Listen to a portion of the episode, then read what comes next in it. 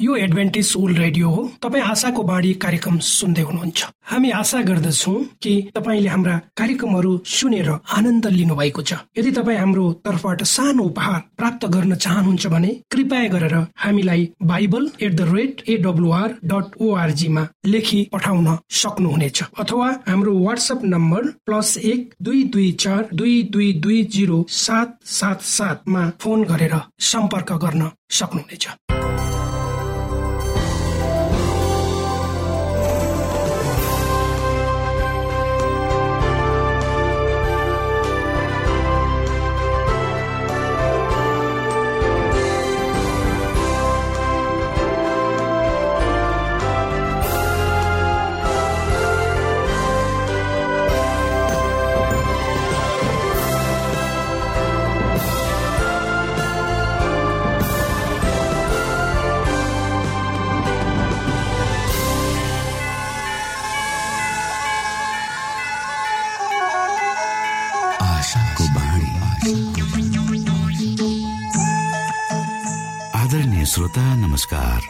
समय तपाईँ Adventist world रेडियोको प्रस्तुति भोइस अफ होप आशाको बाणी कार्यक्रम सुन्दै हुनुहुन्छ।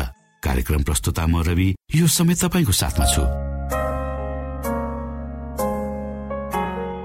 आशाको बाणी कार्यक्रम सुन्नको निमित्त पर्खेर बस्नुहुने समस्त प्यारा श्रोता वर्गमा हामी न्यानो अभिवादन व्यक्त गर्दछौँ।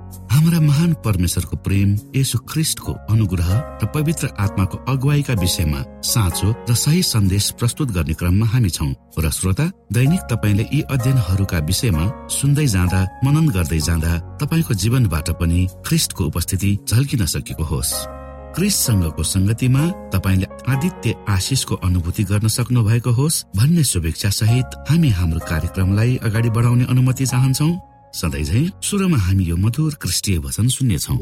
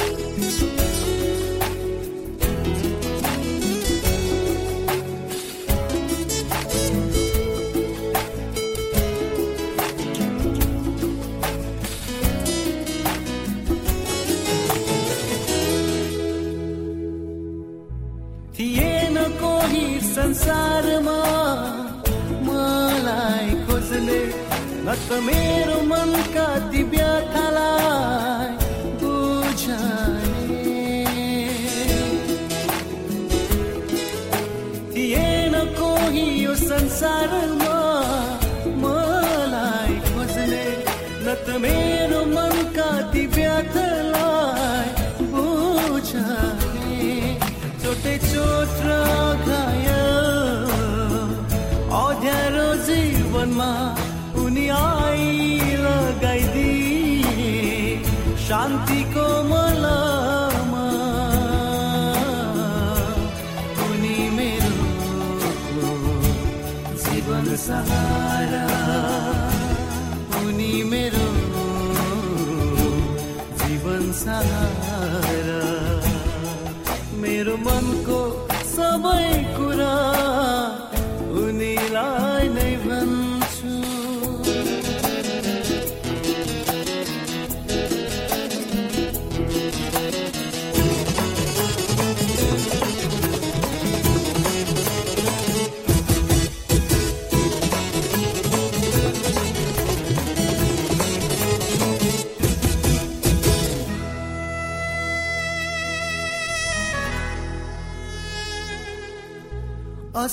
অধিকার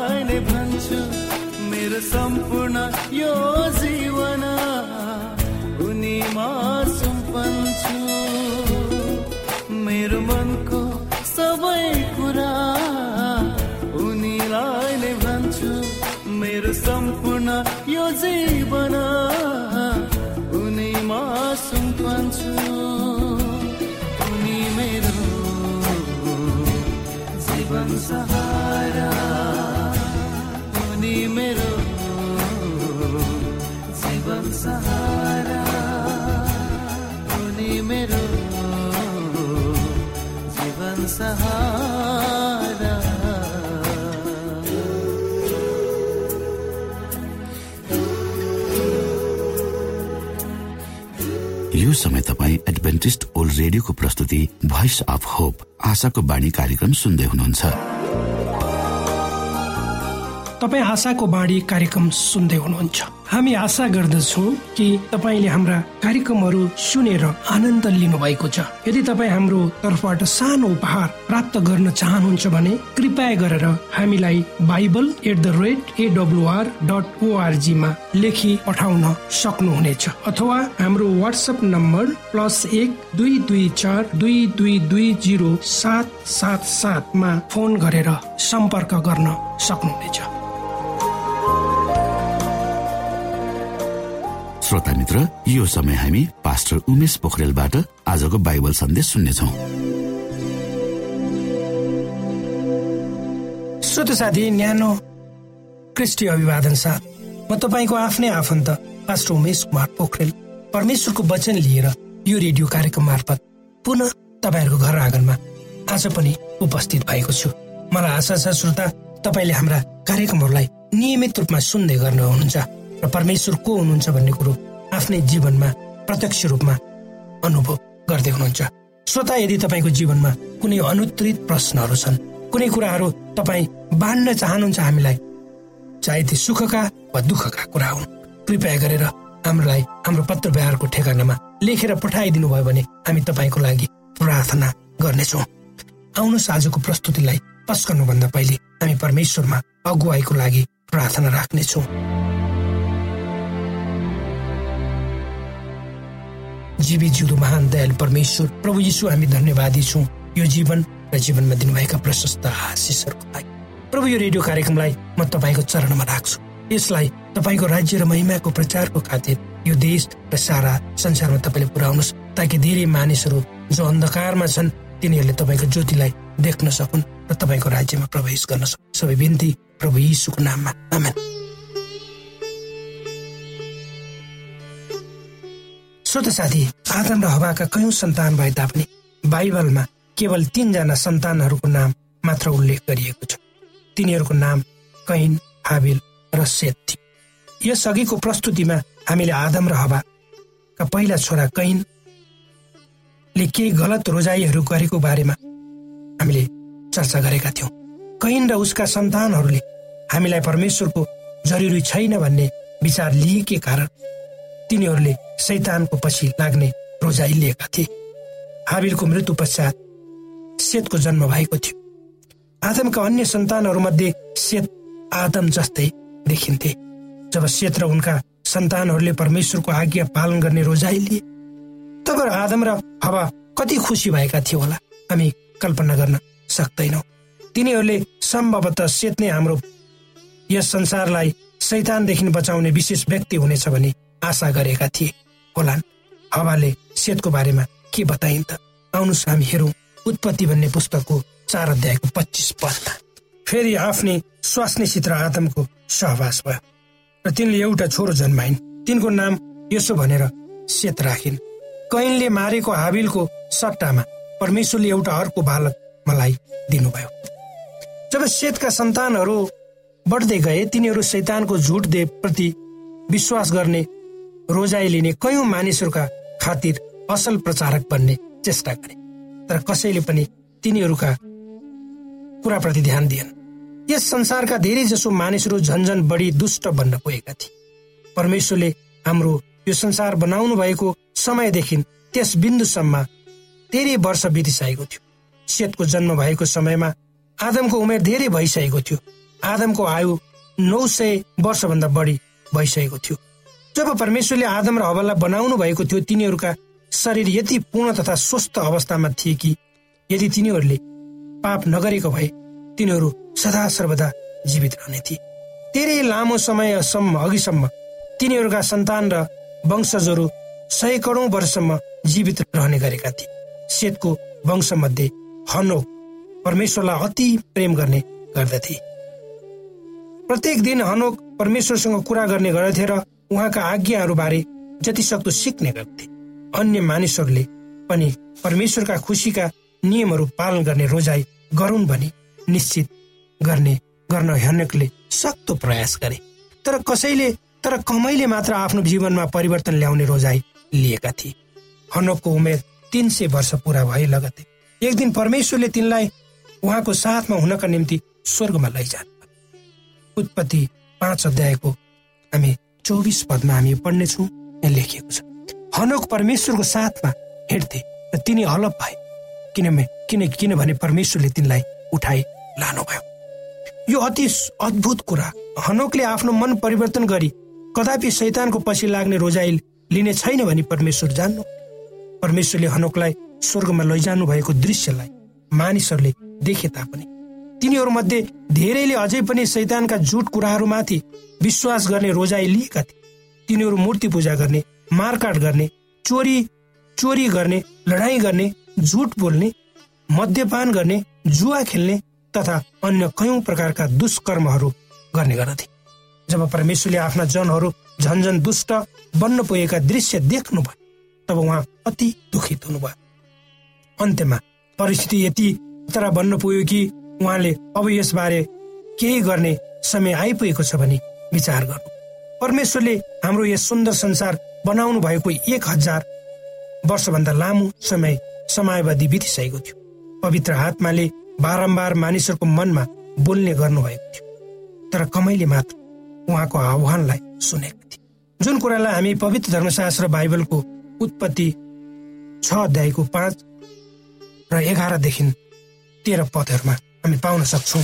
आउनुहोस् उत्पत्ति छ अध्यायको पाँच पढ्नेछौँ पृथ्वीमा मानिसहरूको दुष्टता बढी भएको र तिनीहरूका हृदयका विचारको जुनसुकै भावना निरन्तर खराबै मात्र भएको परमप्रभुले देख्नुभयो। त्यसपछि एघारदेखि तेह्रमा परमेश्वरको दृष्टिमा पृथ्वी भ्रष्ट भएको र उपभद्रले भरिएको थियो। जब परमेश्वरले पृथ्वीमाथि दृष्टि गर्नुभयो तब त्यो भ्रष्ट भएको देख्नुभयो। किनकि पृथ्वीमा भएका सबै मानिसहरूले आफ्ना चालचलन भ्रष्ट पारिसकेका थिए। यसकारण परमेश्वरले नुवालाई भन्नुभयो सबै मानिसहरूको अन्त्य गर्ने मैले हठोट गरेको छु किनभने पृथ्वी तिनीहरूद्वारा उपभद्रले भरिएको छ। हेर म तिनीहरूलाई पृथ्वी समेत नाश गर्नेछु परमेश्वरले अन्त्यमा के बताउनु भयो भने बुझ्नको निम्ति हामीले छ अध्यायको तीन पद हामी पढ्न सक्छौँ। आउनु छ अध्यायको तीन पद। यहाँ यसरी लेखिएको छ तब परमेश्वरले भन्नुभयो मेरो आत्माले मानिससँग सधैँ सङ्घर्ष गर्ने छैन। किनभने त्यो मरणशील छ। त्यसको उमेर एक सय बिस वर्षको हुनेछ। त्यसै गरी उत्पत्ति छ अध्यायको सत्रमा परमेश्वरले निर्णय गर्नुभएको कुरा उल्लेख गरिएको छ जसलाई यसरी लेखिन्छ। जीवनको सास हुने आकाश मुनिका सबै प्राणीलाई म सर्वनाश पार्नलाई पृथ्वीमा जल प्रलय ल्याउनेछु र पृथ्वीमा भएको हरेक प्राणी मर्नेछ। उहाँले आफ्नो संसारलाई ठुलो जल प्रलयद्वारा नष्ट पार्नुहुनेछ जसले सबैभन्दा उच्च पहाडहरूलाई पनि डुबाउनेछ। यस कार्यमा परमेश्वरलाई मद्दत गर्ने व्यक्तिको नाम हामीलाई थाहा हुनुपर्छ त्यो व्यक्तिको नाम नुवा हो। र हामीले नुवाको बारेमा धेरै कुराहरू सुनेका होलौँ र पढेका होलौँ यहाँ लेखिएको छ नुवा परमेश्वरको साथ साथ हिँड्ने गर्थे। नुवाले कसको याद दिलाउँछ? निश्चय नै हनोकको याद दिलाउँछ नुवालाई परमेश्वरले के गर्ने आज्ञा दिनुभयो? जुन कुरो उत्पत्ति छ अध्यायको चौध पदमा लेखिएको छ उहाँले भन्नुभयो नुहालाई तैले खोपेर काठको एउटा जहाज बनाऊ। जहाजमा कोठा कोठा बनाउनु र त्यसलाई भित्र बाहिर अलकत्राले लिप्नु। त्यसपछि उहाँले नुहालाई सो जहाज कसरी बनाउने भनेर उहाँले बताउनु। र नुहाले यसका निम्ति आवश्यक पर्ने सबै सामग्रीहरू जम्मा गर्नुपर्ने थियो र मद्दतको लागि मानिसहरूलाई काममा पर्ने थियो एक सय बिस वर्षपछि मात्र जहाज निर्माणको कार्य सम्पन्न भएको थियो। एक सय बिस वर्ष लागेको थियो उक्त जहाज बनाउनको लागि। जसै कामदारहरू जहाज बनाउने कार्यमा व्यस्त हुने गर्थे तब असंख्य मानिसहरू हेर्न आउने गर्थे। नुहाले दिनौ कयौं वर्षसम्म आउनेवाला जलप्रलयको बारेमा चेतावनी दिँदै प्रचार गरेका थिए जुन कुरालाई पवित्र धर्मशास्त्र बाइबलको उत्पत्ति छ अध्यायको बाइस पदमा यसरी लेखिएको छ। परमेश्वरले नुहालाई आज्ञा गर्नुभयो बमोजिम उनले गरे। जहाज निर्माणको काम पुरा हुने बेलासम्म प्राय संसारका सारा मानिसहरूले नुहाद्वारा बनाइएको जहाजबारे थाहा पाइसकेका थिए। यसको साथसाथै सारा मानिसहरूले आउनेवाला जल प्रलयको चेतावनी बारे थाहा पाइसकेका थिए। तर प्राय जसो सबैले हँसी ठट्टा गर्दै उनको खिल्ले उडाउने गर्थे। एक सय बिस वर्ष पश्चात जहाज निर्माणको कार्य सम्पन्न भयो। मानिसहरूले नुहालाई अझै पनि बहुला ठाने यसअघि कहिले पनि पानी परेको थिएन। वर्षा भनेको के हो भने कसैलाई पनि थाहा थिएन। बुद्धिमानी शिक्षकहरूले सारा मानिसहरूलाई चिन्ता नलिन परामर्श दिए। यदि जल प्रलय भएकै खण्डमा पनि नुहाद्वारा निर्मित जहाज कदापि पानीमाथि तैरिन सक्ने छैन भन्ने कुरामाथि तिनीहरू निश्चिन्त थिए। तर हामी यो कुरा नभुलौँ कि नुहा त परमेश्वरले हराउनु भएका सारा कुराहरू पुरा गरिरहेका थिए। मानिसहरूले के के बोल्दै थिए भन्ने विषयमा उनी चिन्तित थिएन नुहा र उनका परिवारले परमेश्वरमाथि भरोसा गरेका थिए। नोआको परिवारमा कतिजना सदस्य थिए। भन्दा केवल आठजना तिनीहरू कैयौँ महिनासम्म जहाजभित्रै हुनेछन्। तिनीहरूलाई धेरै खाद्य वस्तुको खाँचो पर्ने थियो। सुखाद्य वस्तु केवल आफ्ना परिवारका सदस्यहरूको निम्ति मात्र हुने छैन भनी नुहालाई थाहा थियो। जुन कुरो उत्पत्ति छ अध्यायको एक्काइस पदमा लेखिएको छ। आउनुहोस् हामी पढौँ। उत्पत्ति छ अध्यायको एक्काइस पद। हरेक किसिमका आहारा पनि तैँले आफ्नो साथमा जम्मा गरेर राख्नु। ती तेरो र तिनीहरूका निम्ति आहारा हुनेछन्। तर हामी यो कुरा नभुलौँ कि नुहार त हुनेछन्। जब नुहाले धेरै परिणाममा खाद्य वस्तु जम्मा गर्न थाले तब मानिसहरूले नुहा साँच्चै नै बहुलाए भन्न पुगे। तब एक दिन कुनै एक अद्भुत घटना हुन पुगे जसको बारेमा महान गुरुको गुरुहरूले समेत व्याख्या गर्न सकेन। त्यहाँ हरेक प्रकारका चराहरू जहाज मा उठेर आए। कुनै चरा एक जोडी थिए त अन्य चाहिँ सात जोडी थिए। सबै जातका शुद्ध पशुहरू मध्येका सात जोडी अर्थात् भाले पोथी र जुन जुन शुद्ध छैनन् तिनीहरू मध्ये दुई अर्थात् भाले पोथी जहाजमा आए। नुहा र उनका छोराहरूले ती सबै पशु पंक्षीहरूलाई जहाजभित्र तयार पारिरहेको वासस्थान तर्फ डोर्याए तब त्यहाँ हरेक प्रकारको पशु पंक्षीहरू जहाजभित्र प्रवेश गर्न थाले। ती सबै पशु पंक्षीहरू कुनै एक जोडी र अन्य कुनै सात जोडी गर्दै आए।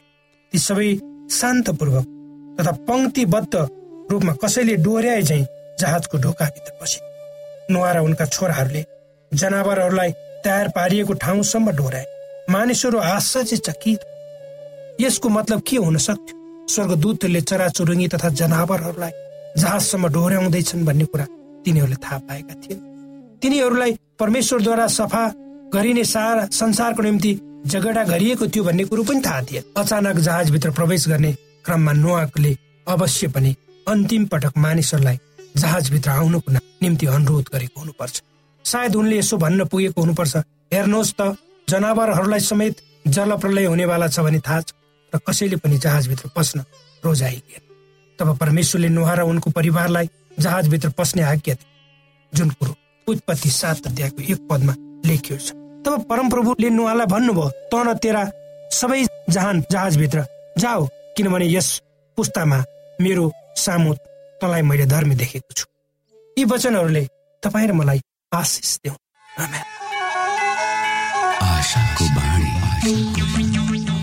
श्रोता भर्खरै यहाँले पास्टर उमेश पोखरेलबाट बाइबल वचन सुन्नुभयो। यो समय तपाईँ एडभेन्टिस्ट ओल्ड रेडियोको प्रस्तुति भोइस अफ होप आशाको बाणी कार्यक्रम सुन्दै हुनुहुन्छ। कार्यक्रम सुनेर बस्नुहुने सबै श्रोतालाई हामी हाम्रो कार्यक्रममा स्वागत गर्न चाहन्छौ। श्रोता मित्र यदि तपाईँ जीवनदेखि हरेस खानु भएको छ तपाईँका जीवनमा धेरै अनुत्तरित प्रश्नहरू छन् भने आउनुहोस् हामी तपाईँलाई परमेश्वरको ज्योतिमा डोहोऱ्याउन चाहन्छौँ। तपाईँ आफ्नो जीवनका चिन्ता फिक्रीबाट निश्चिन्त हुनुहोस् र बाँच्नुको आनन्द परमेश्वरको सामिप्यमा कति मिठो हुन्छ त्यो चाख्नुहोस् भनी हामी चाहन्छौँ। श्रोता यदि तपाईँ आशाको बाणी कार्यक्रमलाई अनलाइन सुन्न चाहनुहुन्छ वा डाउनलोड गर्न चाहनुहुन्छ भने ओआरजीमा जानुहोस्। त्यहाँ तपाईँले प्रत्येक दिनको कार्यक्रम सुन्न र डाउनलोड गर्न सक्नुहुनेछ। हाम्रो वेब पेज यस प्रकार छ। W dot AWR dot ORG श्रोता यदि तपाईँ हामीसित सिधै फोनमा सम्पर्क गर्न चाहनुहुन्छ भने हाम्रा नम्बरहरू यस प्रकार छन्। अन्ठानब्बे एकसाठी पचपन्न शून्य एक सय बिस। अन्ठानब्बे एकसाठी पचपन्न शून्य एक सय बिस। र अर्को अन्ठानब्बे अठार त्रिपन्न पन्चानब्बे पचपन्न। अन्ठानब्बे अठार त्रिपन्न पन्चानब्बे पचपन्न।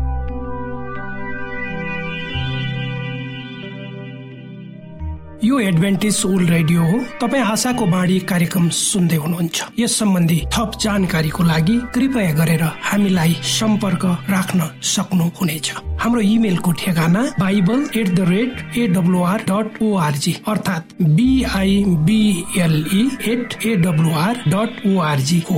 तपाईँ हामीलाई हाम्रो वाट्सएप नम्बर प्लस एक दुई दुई चार दुई दुई दुई जिरो सात सात सातमा पनि कल गरेर सम्पर्क राख्न सक्नुहुनेछ। अर्थात् प्लस एक दुई दुई चार दुई दुई दुई जिरो सात सात सात।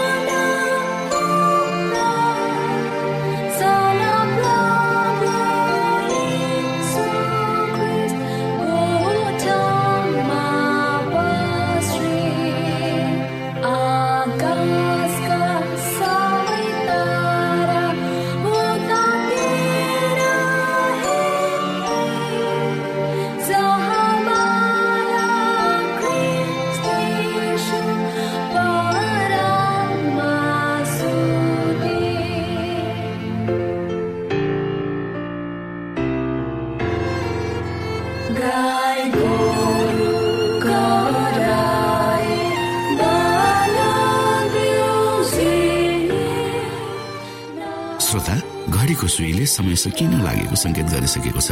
श्रोतासँग अरू समय बिताउने चाहना हुँदा हुँदै पनि हामीले कार्यक्रमबाट विदा माग्ने समय आइसकेको छ। हाम्रो कार्यक्रमको विषयमा जानकारी लिनको लागि हाम्रो कार्यक्रममा सम्पर्क गर्नका लागि हाम्रो ठेगानाको बारेमा यहाँलाई जानकारी गरौं। आशाको बाणी पोस्ट बक्स नम्बर दुई शून्य शून्य शून्य दुई काठमाडौँ नेपाल। यसै गरी श्रोता यदि तपाईँ हामीसित सिधै फोनमा सम्पर्क गर्न चाहनुहुन्छ भने हाम्रा नम्बरहरू यस प्रकार छन्। अन्ठानब्बे एकसाठी पचपन्न शून्य एक सय बिस अन्ठानब्बे एकसाठी पचपन्न शून्य एक सय बिस र अर्को अन्ठानब्बे अठार त्रिपन्न पन्चानब्बे पचपन्न. अन्ठानब्बे अठार त्रिपन्न पन्चानब्बे पचपन्न. श्रोता तपाईँ हामीलाई इमेल पनि गर्न सक्नुहुन्छ। हाम्रो इमेल एड्रेस यस प्रकार छ Nepal at AWR dot ORG Nepal at AWR dot ORG यदि तपाईँ हामीलाई अनलाइन सुन्न चाहनुहुन्छ वा डाउनलोड गर्न चाहनुहुन्छ भने तपाईँ W W W dot AWR dot ओआरजीमा जानुहोस् र त्यहाँ तपाईँले हाम्रो सबै कार्यक्रमहरू सुन्न सक्नुहुनेछ। हवस् त श्रोता हाम्रो कार्यक्रम सुनिदिनु भएकोमा एकचोटि फेरि यहाँलाई धन्यवाद दिँदै भोलि फेरि यही स्टेशन र यही समयमा भेट्ने बाजा गर्दै प्राविधिक साथी राजेश पास्टर उमेश पोखरेल र कार्यक्रम प्रस्तुता म रवि यहाँसँग विदा माग्दछौ। परमेश्वरले तपाईँलाई धेरै धेरै आशिष दिनु भएको होस्। नमस्कार।